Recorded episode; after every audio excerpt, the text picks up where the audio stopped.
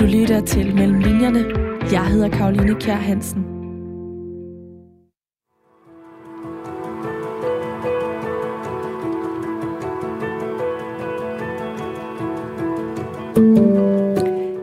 Den 19. juni 2019 kl. 15.16 tigger der en mail ind hos forfatter Ole Sønningsen. Hej Ole. Håber, at alt er vel. Det ser i hvert fald sådan ud. Jeg sidder med et bogprojekt, som har været længe undervejs. Tænker, det måske var noget for dig. Må man give kaffe ved lejlighed, så vi eventuelt kunne tale om det. Bedst, Henrik Thomsen. Henrik Thomsen var udlandsredaktør på Jyllandsposten. Det er han stadig den dag i dag. Og på det her tidspunkt havde han arbejdet i, hold nu fast, 29 år på at indsamle materiale til historien om danskernes flugt fra Saddam Hussein og Golfkrigen. Når han nu kontaktede Ole Sønniksen, så var det fordi, at han selv samme år havde udgivet bogen One Dollar Man om den danske cykelsmed, der udvandrede til USA og endte med at spille en afgørende rolle i våbenproduktionen under 2. verdenskrig. Og den her bog, den endte altså med at blive en bestseller. Og så er det også fordi, at Ole han er en af de førende forfattere inden for bogskrivning, altså når det kommer til at skrive non-fiktive, faktuelle fortællinger. En kop kaffe senere, og Ole han var blevet en flyttekasse med øh, dokumenter og et fyldt Dropbox-drev rigere. Hvordan føles det sådan at få foræret en historie, Ole? Jamen, det er noget særligt, fordi jeg har jo bygget en karriere på at grave i arkiver og finde historier frem selv, og ligesom dyrke dem. Og her var det jo noget helt andet. Jeg fik serveret det hele, men jo en kæmpe udfordring til gengæld i at skulle arbejde sammen med en anden om at forløse den her historie. Selvom Ole Sønniksen modtog tusindvis af dokumenter til den bog, der under titlen Det sidste gissel udkom knap et år senere, så var researcharbejdet langt fra færdigt, da Henrik kontaktede Ole. Sammen har de øh, siden da besøgt Kuwait, som dengang i 1990 blev invaderet af iranske soldater, og af flere omgange har han interviewet Uffe Ellemann Jensen, som dengang var udenrigsminister. Alt det arbejde skal vi høre mere om nu, for du lytter til Mellem Linjerne. Programmet, hvor jeg taler med nogle af Danmarks dygtigste forfattere om de forberedelser og oplevelser, der ligger før deres bøger kunne skrives. Alt det research-arbejde, de har været ude i, og som ligger mellem linjerne i deres bøger. Og Ole Sønniksen, øh, rigtig hjertelig velkommen tak. til. Først og fremmest så øhm, vil jeg gerne lige anerkende, hvor godt det egentlig er gået med bogen, fordi øh, den udkom for et par uger siden, og øhm, det her det er helt nyt tal. Jeg har tjekket, den ligger faktisk øh, nummer tre på bestsellerlisten over biografier, så øh, stort tillykke med det. Tak. Når det er en biografi, så er det fordi, at den handler om det sidste gissel i Golfkrigen i 1990. Mogens Pedersen hedder han, og øh, i historien der er der to andre personer, som også spiller en markant rolle. Det er øh, Mads Sandav Jensen, som er sådan en specialtrænet problemknuser, og så er det korrespondent Tine Astrup Gård, som spiller en vigtig rolle i formidlingen af den her fortælling. Øh, men inden vi dykker ned i den, og vi ligesom kommer frem til, hvordan du fandt ud af, at de skulle spille den her fremtrædende rolle, så vil jeg gerne lige høre lidt mere om, hvorfor du overhovedet takkede ja til at modtage materialet fra Henrik. Fordi altså sidste år, da du modtog den her mail fra Henrik Thomsen, så takkede du ja til kaffe, fordi du vidste ikke, hvad det drejede sig om. Men da I så havde mødtes, og Henrik han havde fremlagt, hvad det egentlig drejede sig om, så takkede du ja til at dykke ned i det her miljø omkring en gisseltagning, og mere specifikt øh, gisseltagning af øh, den danske ambassadeattaché Mogens Pedersen i 1990. Og hvorfor havde du lyst til det? Fordi det jo er en historie, der overgår enhver fantasi, kan man sige. Det er jo en historie, der på alle måder har det, en god thriller skal have. Der sidder en mand tilbage i Bagdad. Der er fire dage til golfkrigen skal gå i gang. Vi ved, amerikanerne vil formentlig bombe Bagdad vi skal have Mogens ud, hvordan pokker får man Mogens ud, hvilke remedier skal der til, hvordan kommer masser Tine til at gøre det her, hvordan har Mogens det. Altså, den, havde, den spillede på alle journalistiske tangenter, og der var så meget materiale. Det skal man jo også huske. Altså, en ting er jo at, at kunne skrue noget virkeligt sammen, men det skal også kunne skrues sammen på 432 sider i det her tilfælde. Nogle gange kan det jo godt være lidt kortere, men det skal kunne fylde en bog. Her var der så meget materiale, og der var adgang til hovedpersonerne. Det vil sige, Mogens, Mads og Tine lever stadig og vil gerne være med. Øh, og, og altså, det var bare en, en, det, var, det var et tilbud, man ikke kunne sige nej til. Okay. Og nu har du allerede nævnt uh, og Tine og øh, Bagdad og amerikanerne, der vil bombe Bagdad. Vil du ikke lige, inden vi går videre, kort skitsere forløbet op til, at Mogens Pedersen, som skal ud af øh, Kuwait, hvordan var forløbet op til øh, gisseltagningen? Jeg tænker, de, de fleste over 45, det er sådan cirka min egen alder, kan huske Golfkrigen. Altså i januar 91, general Norman Schwarzkopf, amerikanernes led, sådan herleder, går mod Saddam Hussein. Det er den første live-transmitterede krig. CNN blev berømt på den her krig. Nogen husker måske også Svend Bergstein stå med en pegepind i Danmarks Radio og vise på et kort, at her er tropperne. Det, det gav ham en plads i Folketinget, så populær blev han på det. Men de færreste husker de seks måneder, det gik forud. Altså at Saddam Hussein den 2. august efter en sommer med skamysler invaderer Kuwait, oliestaten, der er et selvstændig nation, for i virkeligheden jo at berige sig selv, kan man sige. I den proces tager han 4, 5, 6.000 vesterlændinge som gisler, her er 100 danskere. De danskere befinder sig først i noget tid i et fuldstændig kaosramt Kuwait, kan ikke rejse, ved ikke, hvad man skal gøre, øh, det er svært at få kontakt ud af landet, så bliver de flyttet med Mogens som fører af deres konvoj til Bagdad. Kvinder og børn kommer ud, så sidder der 40 cirka danske mænd i tre måneder i Bagdad til en uvis skæbne. Anker Jørgensen tager ned og forhandler, for de fleste gisler ud, de sidste følger efter. Og til jul sidder der et vestligt gissel tilbage over hovedet i Bagdad. Et vestligt gissel, og det er ambassadeattaché Mogens Petersen, som har lavet ting i Kuwait, han ikke skulle have lavet, og derfor ender man med at måtte sende masser af Tine ned for at hjælpe ham ud. Det er sådan set historien i en nødskal. Det er den historie, vi på 432 sider folder ud. Du har fortalt, at du kan selv huske, at du øh, så det her i fjernsynet. Vil du ikke lige prøve at beskrive, hvordan det var den jeg, kan, jeg gik i gymnasiet. Øh, jeg må have gået i 2G i, i der i, i vinteren 90-91. Jeg kan huske, at vi blev kaldt sammen i gymnasiets kantine og så live. Det var sådan nogle grønne lysglimt på himlen over Bagdad og over Kuwait jo formentlig. Mange kan også huske, at oliekilderne i Kuwait bliver sat i brand, og dag bliver farvet nat, nærmest sort af, af olierøg. Øh, så jeg kan bare huske, at det var den første krig, der på den måde sådan gjorde personligt indtryk på mig. Øh, og det er jo ikke derfor, jeg vælger at skrive historien i dag, men det er selvfølgelig noget, man har med i bagagen, kan man sige, den der erindring om det, der lå det, der skete der. Og så blev jeg bare selv forundret over det, der lå forud. Jeg havde glemt det der om de danske gisler. Jeg kan godt se i dag, når jeg ser det, at det fylder meget i de danske medier dengang. Altså det var noget, aviserne aktivt fulgte med i. Det var, det var jo så barokt, at de danske journalister kunne godt rejse til Bagdad og interviewe gislerne og rejse ud igen, mens gislerne blev siddende. Altså så de var aber i et bur i sådan et stort internationalt skueproces i virkeligheden, hvor man jo bare var, var Saddam Husseins legetøj i virkeligheden. Og, og, og det fascinerede mig da Henrik ligesom foldede den historie ud for mig på det der første kaffemøde, vi tog. Øh, og jeg var overhovedet ikke i tvivl om, at det var en bog, vi skulle, vi skulle lave. Okay. Jeg vil gerne indrømme, at jeg kan ikke huske det her, men det giver mig mindelser om øhm, den måde, jeg erindrer 9-11 på, og hvordan jeg kan huske præcist, hvor jeg var. Så jeg forestiller mig, at det er den øh, følelse, du kan sidde med, da det her stof så bliver præsenteret for dig? Jeg, jeg tænker i hvert fald, at vi har jo alle sammen nogle fikspunkter i livet, nogle ting. Altså, jeg kan jo også godt huske 9-11. Øh, ja, der var jeg lige blevet færdiguddannet journalist øh, og sad på Jyllandsposten og, og kan fuldstændig huske øh, den mail, der tigger ind om, at der sker noget i New York. Så jeg tror, på den måde, så har man jo noget erindring med sig, når man skriver. Øh, men jeg, i virkeligheden, så, så tror jeg, at det allerstørste her handlede om, at det her det er så stort et journalistisk scoop, den hemmeligstemplede mission, man laver for at få Mogens ud af Bagdad, bliver sådan set løftet sløret for sidst i 90'erne, men Mogens og Mads giver hinanden spejder på, vi skal ikke fortælle den her historie, før vi går på pension. Og Mogens er først gået på pension i februar i år.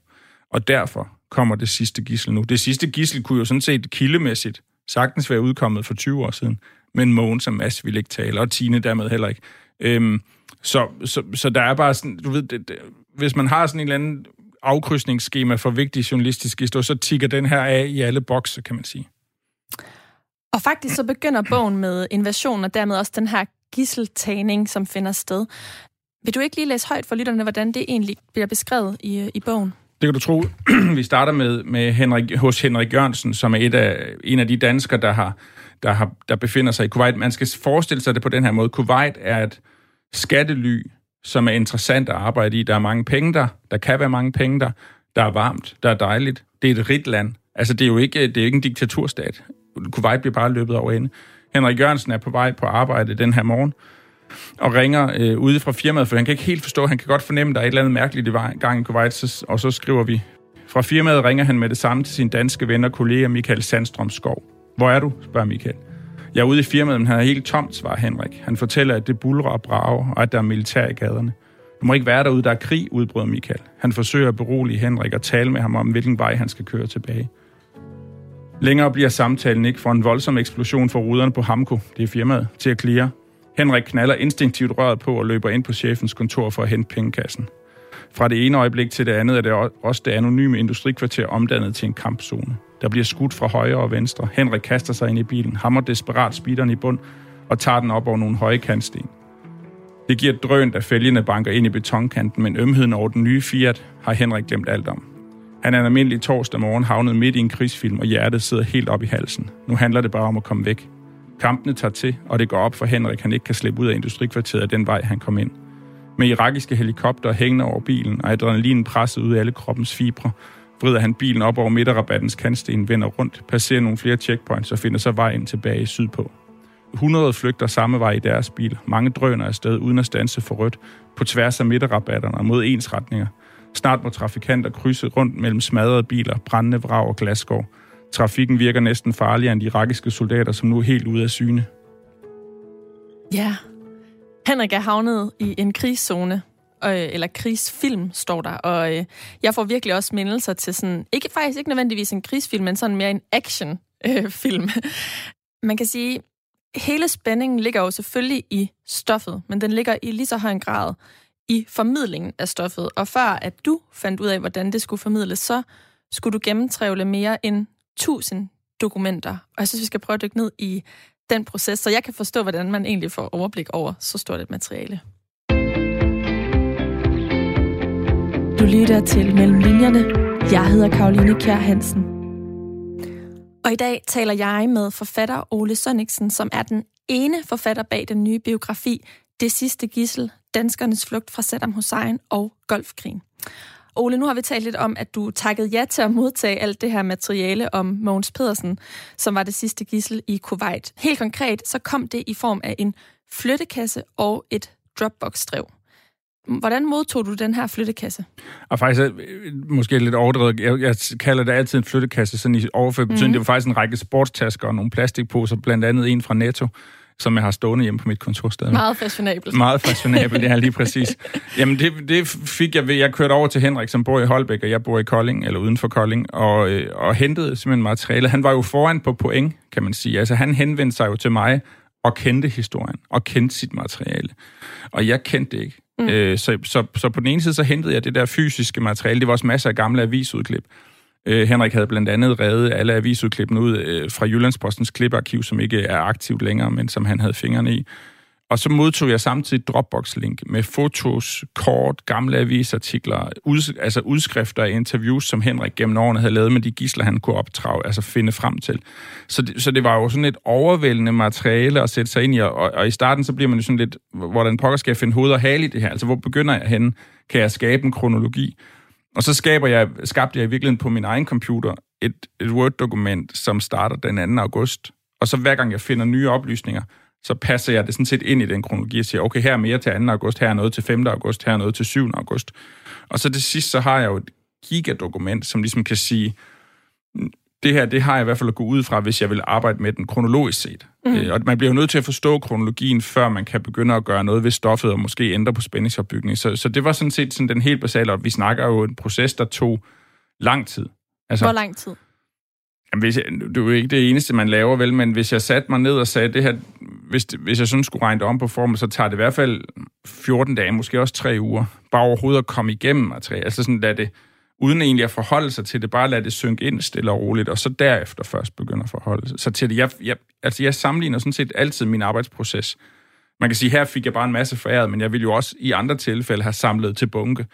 Og så sammenligner jeg egentlig altid min arbejdsproces med sådan en, en trakt. Jeg starter bredt og hælder bare på, og så langsomt, så, så, så, så kan man sige, så glider det ind. Og til sidst så er jeg nede i bunden af trakten, og det er så det, der i det her tilfælde bliver til 432 sider. Ikke? Men, man starter jo med noget, der kunne være blevet til 1500 sider, hvis det var det, man ville. Ikke? Altså, Og så må man sådan ud fra en journalistisk betragtning og ud fra sådan en, en spændingsbetragtning, så gå til det og sige, hvad er det så, jeg skal bruge, der er vigtigst her? Hvad symboliserer det, jeg skal bruge? Ja, og når at Henrik han havde indsamlet alt det her, så er det fordi, at han dækkede sagen dengang øh, som journalist ved Jyllandsposten. Nu er han udlandsredaktør, øhm, men har ligesom arbejdet på at indsamle materiale siden da. Og når du begyndte den 2. august, så er det fordi, 2. august 1990, så er det fordi, at det var der øh, Saddam Hussein invaderede Kuwait.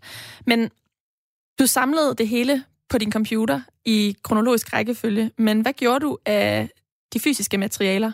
Jamen, det, altså, det er jo en del af processen, så, så først, jeg tror faktisk, jeg tog Dropbox-delen først, og sagde, lad mig se, hvad der er her. Og det, det kører så ned i mit Word-dokument. Så, så gør jeg jo det samme med det fysiske bagefter. Altså sidder og siger, og hvis jeg så finder en gammel artikel og siger, det her citat kommer jeg nok til at bruge, så skynder jeg mig at putte det over i mit Word-dokument. Fordi så har jeg et sted, jeg kan finde mine oplysninger. Det må gerne blive et Word-dokument, der fylder, altså nogle gange på andre bøger, også på det her, så kan det godt fylde 1000 sider. Altså, og det lyder fuldstændig vildt, men det er jo, fordi jeg bare hælder ind i starten og siger, hov, der var en, der sagde det her, eller husk også, at FN reagerede på den her måde, eller husk, at hjemme i Udenrigsministeriet. I første omgang er det kolossalt forvirrende, men dog så meget styret, at det er kronologisk. Mm. Og alene det greb er jo nok for mig, fordi så kan jeg begynde at dykke ned. Okay, der skete noget den 16. november. Kan vide, hvad jeg har stående den 16. november. Så kan jeg jo sidde og søge i mit dokument, kan man sige. Så, så, det så må søgefunktionen er ret vigtig. Ja, det kan du sige. Og, og i det hele taget, men det er også, altså det vigtigste her i den del af processen er sådan set at være åben over for input. Så jeg, jeg tager ingen beslutning om, hvordan min historie skal... Nu kommer jeg til at sige jeg, Henrik var med til at beslutte, men hver gang jeg siger jeg, så mener jeg vi, hvis mm. vi nu mhm. bare kan aftale det. Så, så er det... Altså, så, så i starten er det vigtigt ikke at tage nogen beslutning. I starten er det egentlig vigtigt bare at lade materialet leve foran dig og sige, hvad er der? Altså, hvad findes der fra virkeligheden dengang? Og så på et senere tidspunkt, og det kan vi jo vende tilbage til, så, så, så får man det så kogt ned, så man kan begynde at skrive på en bog. Men ja, altså, der er jo mange, der spørger, hvor lang tid tager det at skrive en bog tit. Og så, så siger man, det kommer an på, hvor du mener, at jeg starter med at skrive en bog hen. For er det, når jeg skriver kapitel 1 og begynder, eller er det, når jeg begynder at lave min... Jeg synes jo, det er, når jeg begynder at lave min materialeoversigt. Så begynder jeg oven i hovedet at skrive, gud, den 2. august, det her, det skal med. Så, så for mig starter skriveprocessen et eller andet sted der allerede. Men og materialeoversigt, det, det er den her kronologiske det er den her kron- Ja, præcis. Ja. Hvilke fikspunkter lagde du særligt mærke til på, øh, på den tidslinje? Jamen, det er klart, at, at det stod ret hurtigt tydeligt for mig, at den 2. august, altså da Saddams tanks ruller ind over grænsen fra Irak til Kuwait, er skældsættende og vigtig, fordi den sætter karakteren under pres. Altså, jeg arbejder meget filmisk orienteret, og i virkelig meget inspireret af, hvordan man bygger film op. Og der taler man jo meget om, at alle gode historier sætter karakterer under pres. Og det kan man jo sige, det gør det jo i høj grad her. De går fra at leve et, et sovefrit liv i Kuwait til at være gisler. Altså, sådan her. På, på et splitsekund, nærmest. Eller i hvert fald på en morgen så. Øhm, så, så, så jeg vidste, at, at det var vigtigt så, så er det jo meget tydeligt hurtigt, at der sker noget, når gruppen bliver flyttet fra Kuwait til Bagdad. Så, så, det, så det flyt, altså skiftet fra ørkenstat, af oliestat, til Iraks hovedstad, hvor Saddam har sit palads, vil være vigtigt. Så kan jeg se meget tidligt i materialet, at Mads faktisk, altså specialagenten, der ender med at blive sendt ned og redde Måns, tidligere er i Bagdad, øh, for at prøve at få alle danskere ud, eller hjælpe dem med at lære at flygte i hvert fald det, bliver, det ved jeg bliver vigtigt. Og så er der klart, at man kan ikke undgå historien om Anker Jørgensen, som er det rigtig mange kan huske, at Anker tager ned, den tidligere statsminister tager ned og prøver at få gislerne ud og mødes med Saddam Hussein. Og så er der selvfølgelig hele Mogens' flugt, som jo, altså det sidste gissel, kan du sige, som jo er det, der, der, der viser frem til bogens titel. Så, så der opstår enormt hurtigt mange fikspunkter, og også mange behov. For eksempel var Uffe Ellemann ikke interviewet, og det var ret tydeligt, at det skulle han før eller siden, fordi han var vigtig brik Øh, der var en sidehistorie øh, med dem, der bliver tilbage i Kuwait, der alle tager til Bagdad. Det, det kan man se, den er interessant. Vi bliver nødt til at tage til Kuwait på et tidspunkt. Så jeg laver jo også samtidig sådan en huskeliste ved siden af, der siger, det her, det har vi det her, det har vi ikke, det skal vi på en eller anden måde have fingrene i, eller kan vi få fingrene i, eller har vi mere om det her, eller hvem kan vi ringe og spørge om det her? Altså, så jeg laver egentlig, så jeg har egentlig to dokumenter åbne, ikke? Mm. Jeg har sådan et tidskronologisk dokument, og så har jeg en to-do-liste åben, kan du sige. Ja, på den to-do-liste, der stod blandt andet kontakt Uffe Ellemann Jensen. Hvordan gjorde du det? Jeg, jeg sendte ham bare en mail. Øh, jeg har brugt ham i andre sammenhænge, så jeg vidste, jeg kunne få fat i ham, og han plejer altid at svare. Og, han var, og jeg vidste jo, at jeg kunne godt gennemskue, at det her var også et af hans udenrigsministerkarrieres højdepunkter på en eller anden måde. Altså, skæg og blå briller har det jo med at, at fascinere rigtig mange mennesker. Det er klart, at noget, der, der endte så spektakulært som det her, det tænkte jeg godt, han ville tale om. Så han var meget hurtig til at svare, du kommer bare. Og det skal vi nok tale om. Og øh, du interviewede ham flere gange. Hvorfor gjorde du det? Jo, men jeg, altså, jeg tror, det er jo altid sådan, at, at når man kommer første gang, så har man en masse spørgsmål. Man vil gerne vide det her, hvor var du? Øh, øh, og så siger man derefter, når man så læser det igennem, når man kommer hjem, så ved man godt, at man ikke har fået detaljer nok med. Altså, den skrivemåden i den her bog er jo sådan, at folk skal føle, at de er der selv. Så når Henrik kører ned ad vejen, som vi lige læste op fra bogen, så skal man føle, at man sidder i den der Fiat sammen med ham og skrumler. Derfor er det vigtigt, at man ved, at det er en Fiat, fordi så begynder du at danne dig billeder i hovedet, at det her det er en Fiat. Så detaljeringsgraden er enormt vigtigt. Det skal føles som at læse en roman. Det skal bare være fra virkeligheden. Og det får man ikke med hjem i første interview nødvendigvis. Så, så jeg siger altid til folk, øh, må jeg have lov at vende tilbage. Jeg var kun ude ved Uffe fysisk en gang, så kunne jeg ringe og skrive til ham efterfølgende, ligesom at følge op og sige, prøv at høre, du sagde det her, men hvor, altså, der, der er sådan en startscene, hvor han står ved, på Venstre sommergruppemøde op ved Aresø. Så bliver jeg nødt til at vide, står han og kigger ud over søen, eller vender han ind i ryggen til? Hvad, altså, du ved, og det kan jo virke åndssvagt, men, men det er meget, altså, vi vil gerne kunne danne billederne i hovedet på folk, og det kan vi kun, hvis vi spørger folk. Altså, jeg må ikke finde på. Det er jo det, det, er jo det største benspænd, der er i at skrive non-fiction, det er, det er forbudt at finde på. Mm. Og man har lyst til det. Fordi der er jo altid ting, man ikke kan få at vide, men det, det er jo ligesom no-go'et. Og derfor skal man, der hvor man så har adgang til information, skal man jo hente det, tror jeg, af flere omgange. Man kan simpelthen ikke hente det på én gang. Men det er jo også meget for lange, at nogen kan huske noget, der ligger 29 år tilbage, altså små detaljer, men det var Uffe jo ret god til. Ja, man kan sige, at der er to ting her, ikke? Fordi for, for lige præcis Uffe havde sin dagbog fra den gang, og, mm. og det betød jo, at, at så har han jo sine egne tanker fra den dag præsent lige pludselig. Og så er der altså også bare det, når vi taler gislerne for eksempel, som ikke nødvendigvis havde en dagbog, men de har altså oplevet noget af det mest dramatiske i deres liv. Hvis du tænker tilbage på dit liv, så er det jo også de mest dramatiske ting, du husker. Det er jo blandt andet derfor, apropos vi husker 9-11, når vi snakker om det. Altså ting, som får verden til at ramle, både den ydre og den indre, ligger jo hos os, på en, lagret på en anden måde, og der er måske mere adgang til det end så meget andet erindringsmateriale. Så jeg oplever egentlig, at folk er ret gode til at huske, og i det her tilfælde har vi jo kunne krydstjekke mellem forskellige gisler, så vi er sådan set ikke i tvivl om deres fortælling overhovedet. Nu nævner du jo selv Uffe Ellemann Jensens øh, dagbog. Den havde han med, da I mødtes, men du fik ikke lov til at læse i den. Nej. Ja, Hvordan det, var det? det er altid irriterende, ikke? Man drømmer jo om, at folk bare afleverer deres dagbøger til en, men det ved jeg jo godt, det gør folk for det meste. Ikke? Vi har faktisk en del dagbogsmateriale til bogen, altså fra andre gisler, både nulevende og afdøde. Øhm, men lige præcis det havde Uffe, Uffe havde sagt fra starten, det får I ikke adgang til, men jeg vil bruge det som min egen reference. Så når jeg spurgte ham specifikt, var det den eller den dato, så kunne han jo gå i dagbogen og sige, om det er den her dato, som var vigtigt for mig. Så det næstbedste, når man ikke kan få adgang til folks dagbog, det er, at det i det mindste gider at sidde og læse lidt op fra den, kan man sige.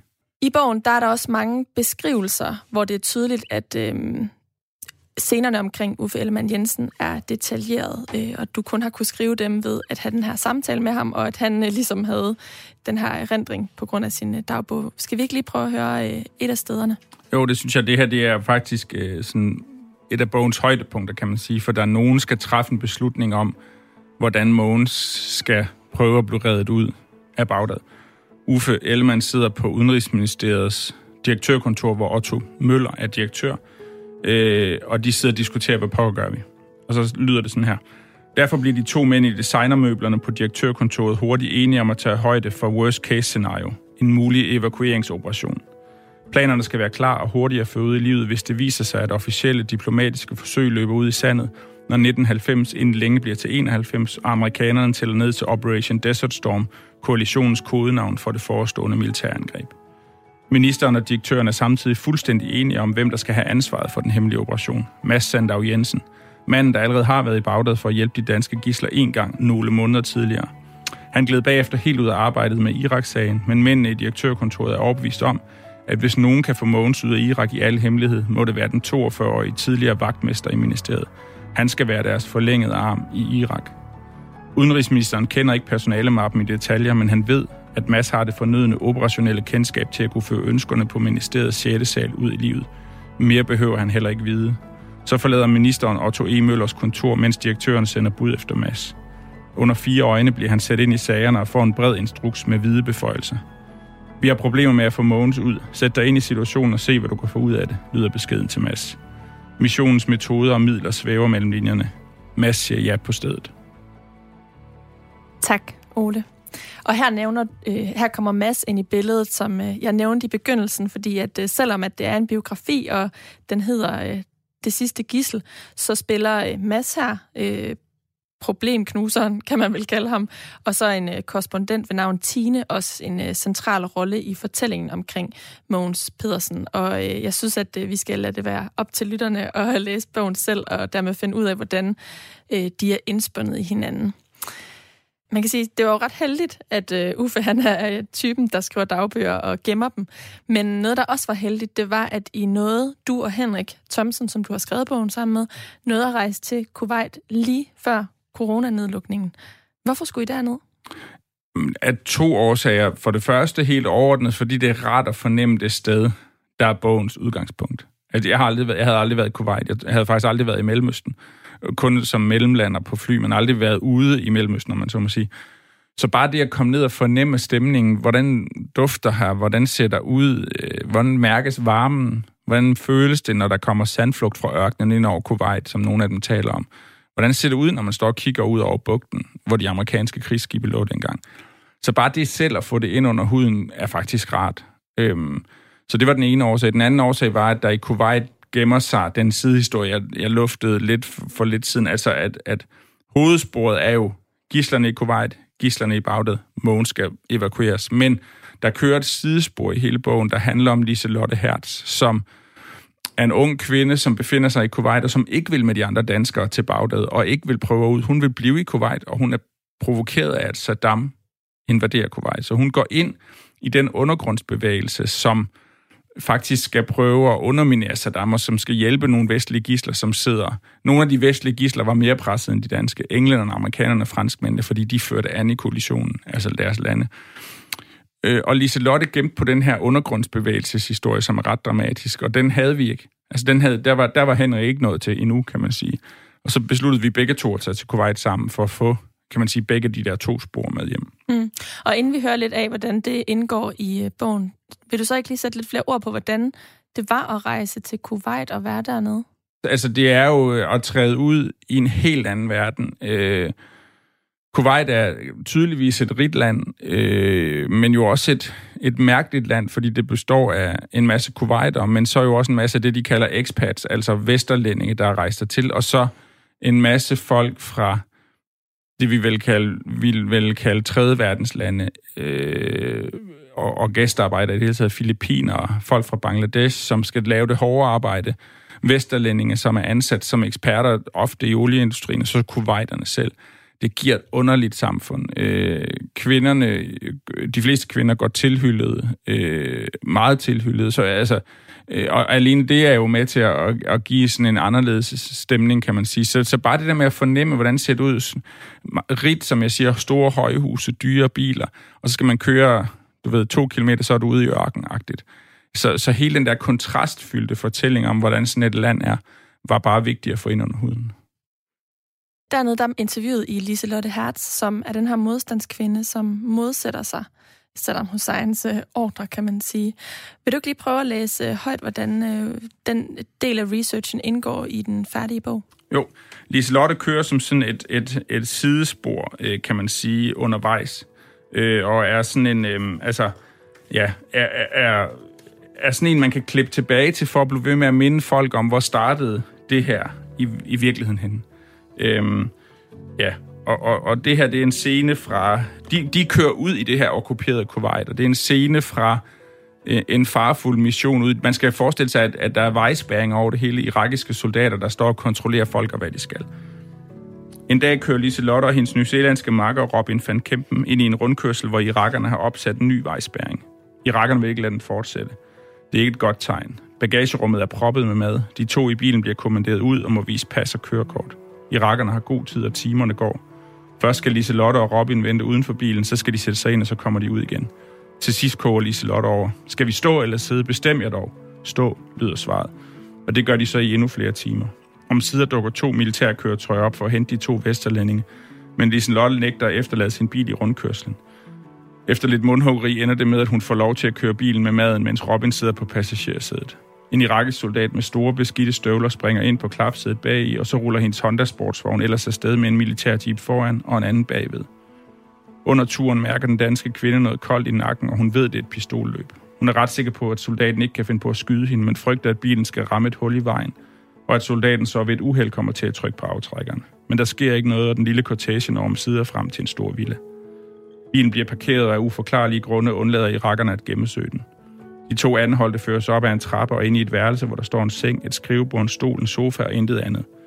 Liselotte og Robin bliver placeret i sofaen, og soldaterne går. Ingen af dem tør sige noget. De frygter, at rummet er aflyttet. De skæver over mod sengen.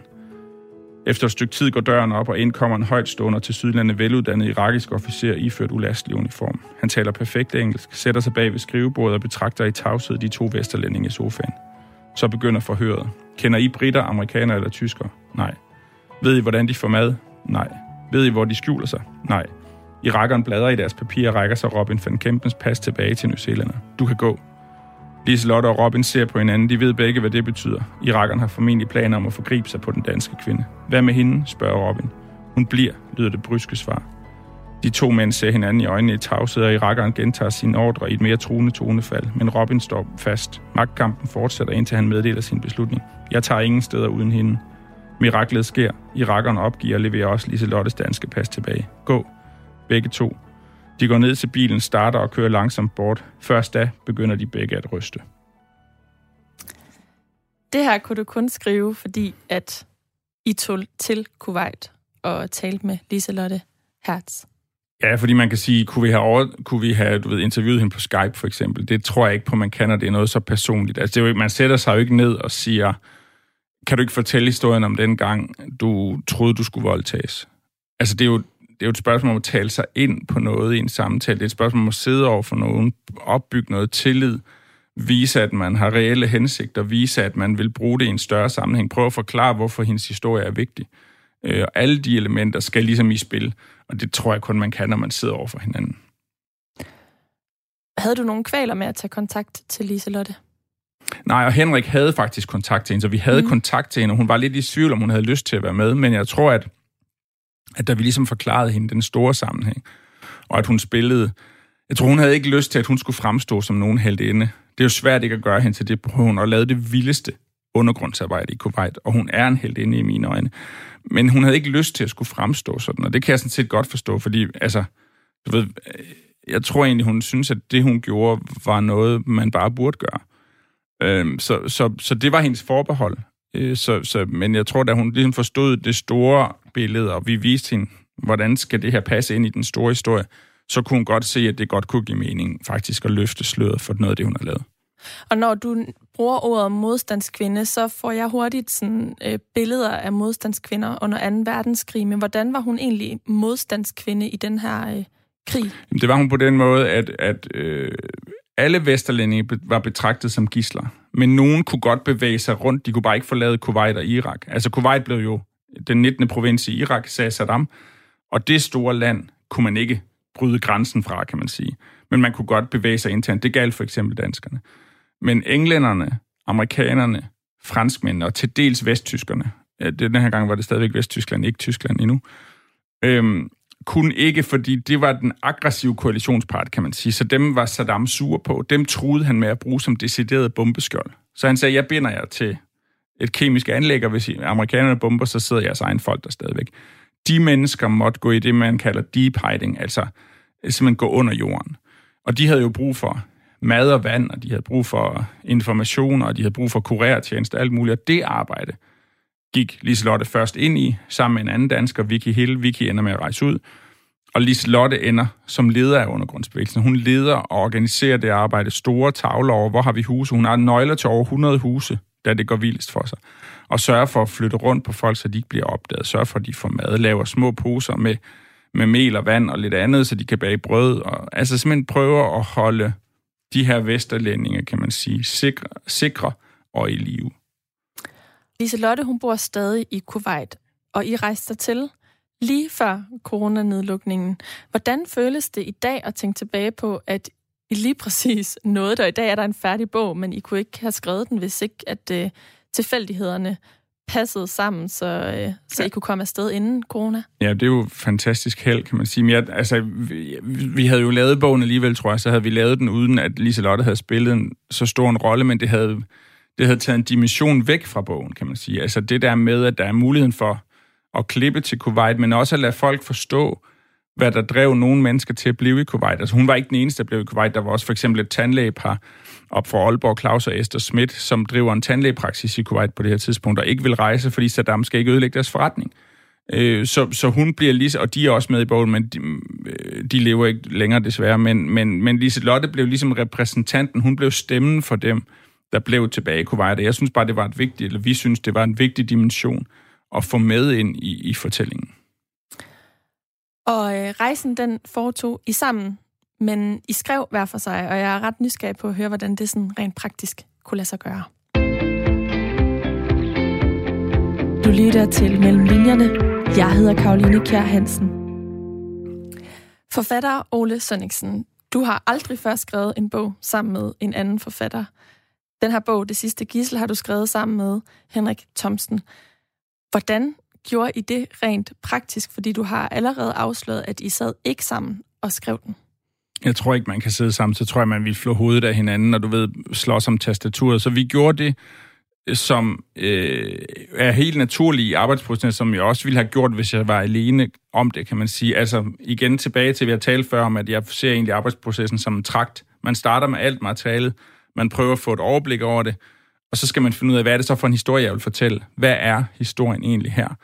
Øh, og, og vi fandt meget hurtigt ud af, at vi ville lave en historie, hvor Mogens' flugt skulle være rammehistorien. Så der er en kort prolog i starten, der sætter scenen og dramaet. Så bliver der klippet tilbage til Kuwait, som er bogens første del. Og så bliver der klippet til del 2, som er den store historie i Bagdad, altså alle gislerne. Og så er bogens del 3, Mogens' flugt. Og for ligesom at kunne styre den fortælling, så arbejder jeg altid med at lave et storyboard, altså en, en, en, en, en oversigt over historiens opbygning. Det kan være et langt dokument. Altså i det her tilfælde, så bliver det et dokument, der fylder øh, formentlig 30, 40, måske endda 50 sider, hvor, jeg, hvor vi ret udførligt skriver, hvad skal der være i hvert kapitel. Så prologen indeholder det her, og den stopper her, starter her. Øh, kapitel 1 starter her, viser Henrik blandt andet, som, som vi så køre rundt i sin fjerde nede i Kuwait, slutter her, start, kapitel 2 starter her, slutter her, så fremdeles. Det gør jo, at man et kan styre spændingen i fortællingen. Det vil sige, at jeg slutter kapitel 1 et sted, hvor folk bare tænker, at jeg skal læse videre for at vide, hvad der sker. Øh, to, at man kan begynde at skrive hver for sig. Fordi man kan så godt sige, at Ole han skriver på kapitel 1, og der ved vi, der skal de her oplysninger med. Henrik skriver på kapitel 2, der ved vi, der skal de her oplysninger med. Og sådan gjorde vi. Vi vidste fra starten, at Henrik på grund af sit arbejde som udlandsredaktør ikke ville have tid til at skrive helt lige så meget som mig. Øh, så derfor så definerede vi nogle kapitler, han skulle skrive. Han har skrevet rigtig meget Kuwait-sporet i bogen. Øhm, og så, så var aftalen fra starten, at man måtte skrive hen over hinanden. Så det vil sige, når jeg havde lavet kapitel 1, fik Henrik det, og måtte skrive den version, han synes var den rigtige. Det er jo, det er jo til en vis grad ret angstprovokerende, at nogen bare kan bestemme over en to, men altså, vi gemmer selvfølgelig gamle versioner, så kan man jo altid diskutere, men det var tilladt at rette og skrive hen over hinanden. Men lad os lige dvæle ved det her storyboard. Er det sådan en form for øhm, mini-version af historien, eller hvordan kan man forstå det? Ja, det kan du sige. Altså, det, endelige bogmanus er vel på omkring, det ved jeg ikke, 250 words-sider måske. Og det her er en version på 50 words-sider, ikke? Okay. Så, så det er en mini, det er en magiterning, kan du sige. Ja. Det er bouillon-terning. Det er hele essensen af fortællingen står der. Og er jo sådan et styringsredskab, der siger noget om, hvor skal alt det meget research, de der tusindvis af dokumenter, hvor skal det puttes hen i fortællingen? Altså et storyboard er jo et dokument i Word, som er opdelt i kapitler. Så det, der står storyboard øverst og bogens titel, og så siger den egentlig del 1, 2, 3, og de antal kapitler, vi regner med, der skal være. Under hvert kapitel er der så en halv sides tekst om, hvordan indledes det her kapitel, hvad er hovedbudskabet i det her kapitel, og hvad er slutningen på det her kapitel, for så ved man, at her klipper historien, og så kan man tage fat på næste kapitel derfra. Så det er en fortløbende tekst, og ikke noget i en tabel? Nej, nej, det er en fortløbende tekst. Det, det, dybest set skal du kunne læse det og tænke, shit, det var en dramatisk fortælling.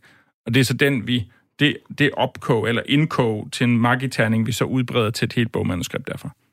Og det var skabt ud fra en fornemmelse af, hvor der var dramatiske nedslag ud fra den her tidslinje, eller hvordan, hvordan øh, endte du på, øh, på den øh, kombination af krydderier, som øh, ja, man den her sige, altså, storyboard jeg, havde af, i, i den markedtagning, som det blev til? Ja, altså jeg, som jeg tror, jeg sagde tidligere, så jeg er meget inspireret af, hvordan man bygger film op. Og i filmen, så den klassiske Hollywood-filmskabelon taler jo om tre akter. Altså dybest set, øh, det man også nogle gange taler om i romaner, hjem, ude, hjem. Altså, man er hjemme, så bliver verden forstyrret. Man må ud på en farefuld færd, så kommer man trygt hjem igen. Så derfor så var jeg meget bevidst om, jeg ville gerne øh, prøve i hvert fald at byde ind til Henrik med et bud på at sige, det her er jo en klassisk treakter. Den starter i Kuwait, hvor de alle sammen er. Så tager de på en farefuld færd til Bagdad, og til sidst sidder Mogens alene tilbage i del 3, eller i akt 3, om du vil. Øh, så jeg vidste, at der lå sådan en klassisk dramaturgi, som kunne bruges, øh, og som ville hive folk naturligt igennem fortællingen. Og da det ligesom var besluttet, okay, lad os prøve det, så, så var det jo et spørgsmål at tage det der store dokument, jeg havde over min tidslinje over hele kronologien, og sige, jamen, hvis jeg har det her, det her kronologi, hvordan passer det? Hvordan kan det så slices op? Eller hvordan kan det splittes op i det, der ender med at være 32 eller 33 kapitler i bogen, tror jeg, det er. Øh, og cirka gerne 10 til hver. Så der også er en balance i, at hver del skal cirka fylde lige meget. Øhm, og så derfra siger man så godt, okay, jeg skal bruge 10 kapitler i det lidt. Hvordan bygger jeg spændingen op, så folk har lyst til at læse hele vejen? Og hvordan sørger jeg for, at del 1 så slutter så tilpas dramatisk, at jeg virkelig må læse videre ind i del 2? Og hvordan slutter del 2 så så tilpas dramatisk, at jeg virkelig må læse videre ind i del 3? Og den her øh, opbygnings øh, Henrik til? Ja, altså vi diskuterede den, kan man mm. sige, men, men jeg Hvad tror... diskuterede I ellers? Altså hvilke alternativer var der? Jamen, altså man kan sige, øh, vi, kunne vi have gjort... Altså man kunne have lavet den helt kronologisk. Skulle vi have droppet prologen? Prologen sætter scenen, den, den viser tre pressede danskere på en ambassade i Bagdad på tre sider, fire sider i bogen, og så klipper den og så går du tilbage til Kuwait. Ja, det altså fra vi, 91, begyndelsen af 91 ja, til tilbage august til august 90, 90 så ja. det kunne vi jo godt have ladet være med. Vi kunne jo godt bare have ladet historien, øh, øh, kan man sige, starte den 2. august 90. Det havde også været dramatisk. Vi, vi kunne bare godt lide ideen om, at rammen var sat fra starten. Fordi bogen hedder Det sidste gissel, så var det for os vigtigt, at læseren mødte det sidste gissel tidligt i bogen øh, og fik lyst til at læse videre på den konto. Så øh, jeg tænker, det var i virkeligheden den største beslutning, fordi det er svært ikke at forestille sig den her historie fortalt kronologisk. Fordi, fordi, den, fordi datospillet og deadline og nedtællingen til krig er så vigtig, at, at det havde været mærkeligt at prøve at tage føregreb på et eller andet andet, øh, der skulle have været smart. Altså, man skal også huske, at det her skal jo ikke være smart, og det skal ikke være, øh, det skal ikke være øh, anderledes for enhver pris. Altså, der er et helt basalt drama her, der først starter med 100 danskere, så i del 2 bliver til 40 danskere, og i del 3 bliver til 1 dansker. Og det basale drama er jo det, fortællingen skal leve af. Og, de, og derfor var der sådan set ikke nogen tvivl om, at kronologien skulle vinde, øh, og det skulle være den bærende kraft. Så, så, så kunne man jo diskutere, hvornår er det så, vi klipper til Lisa Lotte i Kuwait, for eksempel. Og hvor stor en rolle skal hun spille, og hvor meget kan læseren hænge på til også at køre det, der så i virkeligheden bliver... Altså, hvis dramaet om Mogens er, er historiens A-spor, som man vil, vil kalde det, så er Liselotte jo B-sporet. Øh, og, så det var mere sådan nogle overvejelser. Altså, hvor ligger vi det rigtigt hen? Og de lå ikke rigtigt i storyboardet fra starten. Det er flyttet rundt ret sent i processen i virkeligheden. Okay. Og hvordan delte de kapitlerne op mellem jer? Jamen, vi, altså, vi besluttede ret hurtigt, at Henrik skulle skrive øh, rigtig meget af det fra Kuwait. Og så gik jeg faktisk i gang med at skrive bogens del 3 først, fordi vi ville ja. have helt styr på Hvorfor dramaet. Det? Jamen, fordi vi gerne ville have helt styr på det, der er det sidste gisselsdrama. Så Henrik skrev faktisk prologen, altså de fire korte sider, som indleder bogen med, en, altså med sådan mavepumper. Nu at de klipper kablerne til København og er alene tilbage i Bagdad, og nu skal de have Mogens ud. Det skrev Henrik. Og så hoppede jeg på den, og så skrev jeg de sidste 10 kapitler i bogen. For simpelthen, fordi så havde vi rammen på plads. Så vidste vi, at her startede vi, her sluttede vi. Slutninger i bøger er de sværeste at skrive tit. Fordi at de skal jo passe sammen med starten, gerne. Altså, de skal give mening. Det skulle forløse det drama, du sætter i gang i starten. Men det var en meget kort begyndelse, kan man ja. sige, i forhold til ja. de sidste 10 kapitler. Ja, det kan man sige, men, men det var simpelthen for at have bogens balancepunkt på plads fra starten. Og så de 20 kapitler, der skulle komme ind imellem, dem skulle vi nok få styr på. Mm. Skriver øh, du altid slutningen nej, først? det var egentlig lidt et eksperiment her, men, men det, det, det, var meget, det var meget interessant at prøve at skrive rammen færdig først, synes jeg. Okay. Og så ender det jo med, at man skriver en del om, fordi så er man kommet til at sige nogle ting allerede i de første 20 kapitler, som man så også siger igen i del 3, som skal ud. Men, men det at have helt styr på sin rammefortælling, er faktisk... Øh, men jeg, og jeg har skrevet slutninger før. Ikke hele dele før, men jeg skriver faktisk tit slutningen hurtigt. Og når I havde færdigskrevet et kapitel, så skulle den anden læse det og øh, gennemskrive det. Hvordan havde du det med den del af processen? Jamen, jeg tror, altså, de fleste mennesker, der, sidder, altså, der, der passer deres arbejde, er jo også forfængeligt i et vist omfang, så jeg, altså, det synes jeg da ikke nødvendigvis er sjovt. Ikke i starten. Jeg synes jo, det er det bedste, jeg har skrevet, når jeg sender det til Henrik, og når Henrik så skriver en mail tilbage, prøv her, det her, det, det hænger ikke sammen. Vi bliver nødt til at gøre sådan og sådan. Så, bliver man, så har jeg altid fem minutter, tror jeg, hvor jeg bliver fornærmet. Altså, det passer jo ikke. Du ved, det her, det er skide godt. Og når man så læser det, men sådan har jeg det også, når min kone, hun læser tit min manuskript, og så bliver jeg altid fornærmet. Og så næste morgen siger jeg undskyld og siger, at det var faktisk nogle gode idéer, hun havde.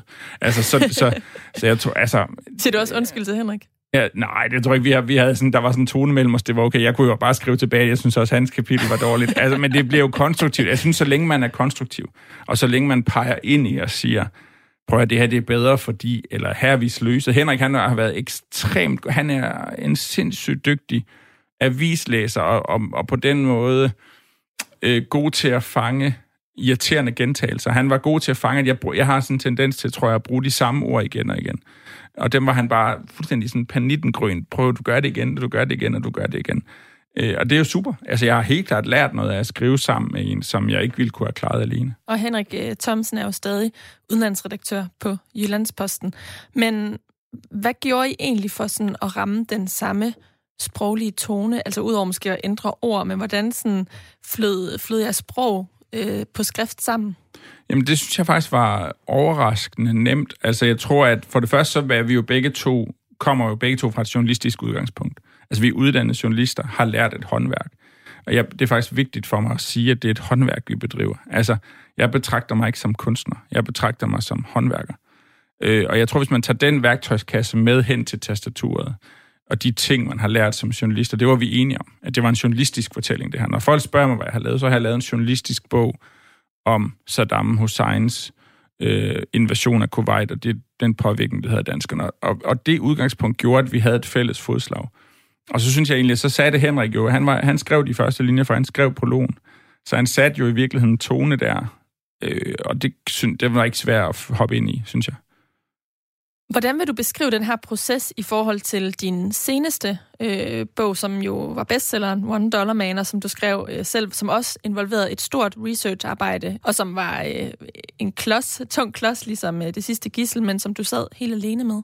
Ja, jeg sad faktisk ikke helt alene i den forstand, at Brian Dan Christensen var med som medskriver på nogle kapitler, men, men jeg styrede, øh, kan man sige, historiens opbygning med selv, og det var mig selv, der havde researchet det hele.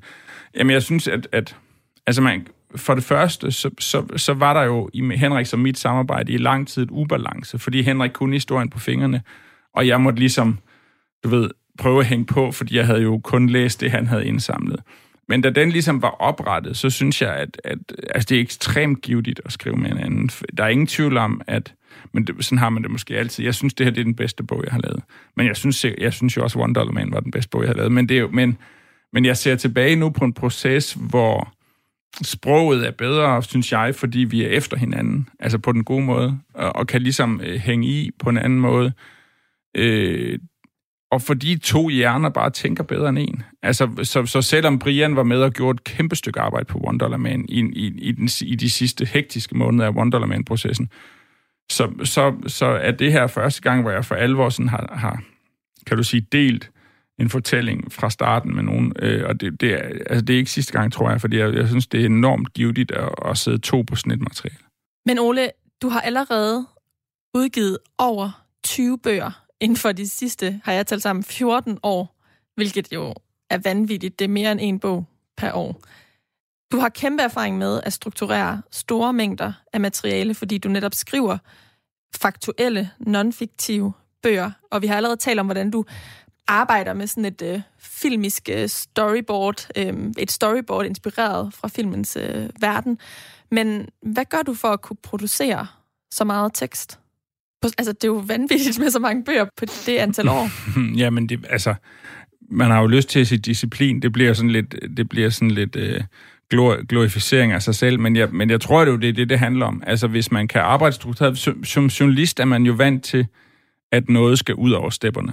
Altså, man er vant til at arbejde på deadline. Man er vant til at tilegne sig stof og formidle det ud til verden. Øh, og, og så har jeg bare for lang, lang, lang tid siden, og det lyder åndssvagt, det her, taget en beslutning om ikke at, at, at, at gå i skrivepanik. Altså ikke at have en skriveblokering. Jeg, kan, jeg skal skrive noget hver dag, når jeg sidder med et bogprojekt.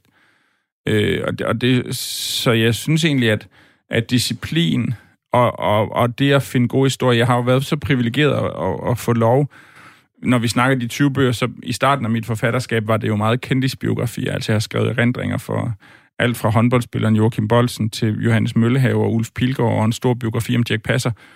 Og det sidste gisel er også en biografi. Ja, det kan man sige, og, og der, der, men, men det er sådan mere en historisk biografi. Altså, så mit forfatterskab startede over i kendtisbiografi-genren, og der får man jo foræret rigtig meget af bogens hovedperson.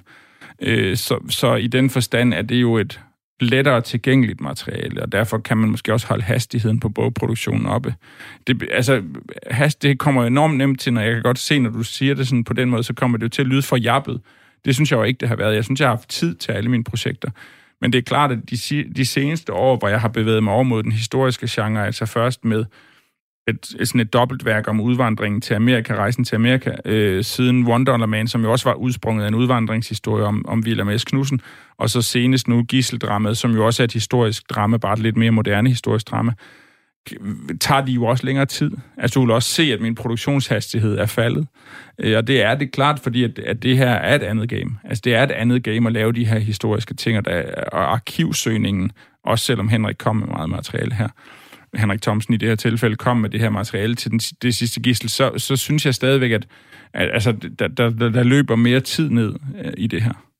Og nu øh, oplevede du for første gang at skrive en bog sammen med en anden, sådan, hvor I var sammen hele skriveprocessen igennem. Men hvordan var det så på udgivelsesdagen? Altså, hvordan øh, fejrede I den sammen, eller hvordan forholdt I jer ja, til den, det? Altså, bogen udkom en mandag øh, i september, og, øh, og vi fejrede det aftenen for inden faktisk, sammen med bogens tre hovedpersoner, øh, Tine, Mads og Mogens, som jo har en kæmpe andel i, at det her det er blevet til noget. Vi er jo bare, i anførselstegn, dem, der serverer ordene for folk. Det er jo Tina og Mads og Mogens, der har levet historien. Det er Tina og Mads og Mogens, der har truffet beslutningerne, og det er ikke mindst Tine, Mads og Mogens, der har besluttet, at vi gerne måtte fortælle deres historie. Mm. Og læste de den så også, inden den udkom? Ja, de læste den, inden den udkom, øh, jo fordi, at, øh, og det princip har jeg altid, øh, at, at vi skal jo have korrigeret så mange faktuelle fejl, som vi overhovedet kan. Øh, og det kan man jo bedst, hvis man lader folk læse. Og det der med, at folk ikke må læse inden, fordi så bestemmer de over ens produkt, det var ikke sådan, at de kunne bestemme, hvordan bogen skulle opbygges, men de kunne være med til at pege på ting, der var forkerte.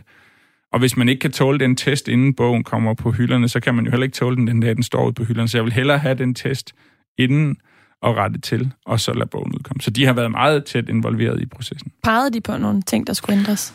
Ja, men det er mere, altså, i virkeligheden var det mere småting. Hvad farve havde den og den bil, eller hvordan så det, det hus? Altså, vi har jo siddet helt nørdet og tegnet huse fra den gang, der ikke findes længere, og sagt, hvordan så det egentlig ud? Hvad farve var det udvendigt? Hvad farve havde væggen indvendigt?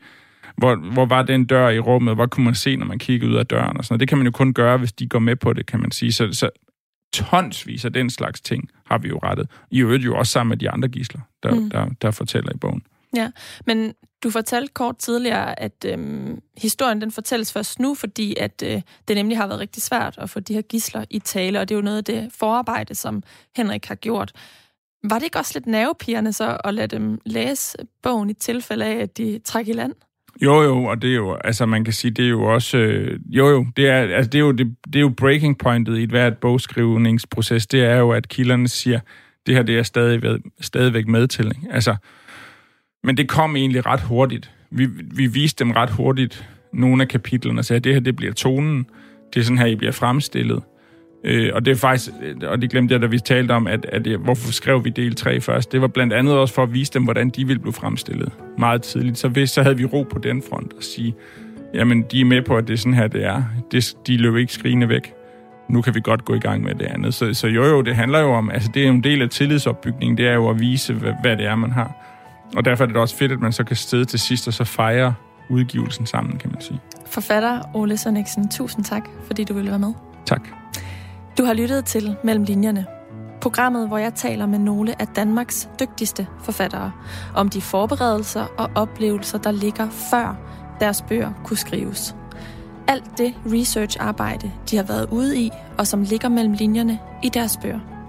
Du kan finde hele programmet her som podcast på radio4.dk, i vores app eller i din foretrukne podcast-app. Hvis du lytter til programmet i iTunes, så tøv ikke med at give det en anmeldelse, så ved jeg, om I synes, at programmet det udvikler sig i den rigtige retning eller ej. I er også meget velkomne til at skrive til mig på mailen. Det er mellem linjerne, snablag radio4.dk, og linjerne det er med et J. Her kan I både komme med ris og ros og også meget gerne ønsker til forfattere, hvis research I gerne vil høre mere om. Mailen den er som sagt mellem linjerne, snablag radio4.dk. Linjerne er med et J. Mit navn det er Karoline Kjær Hansen, og jeg håber, vi lyttes ved.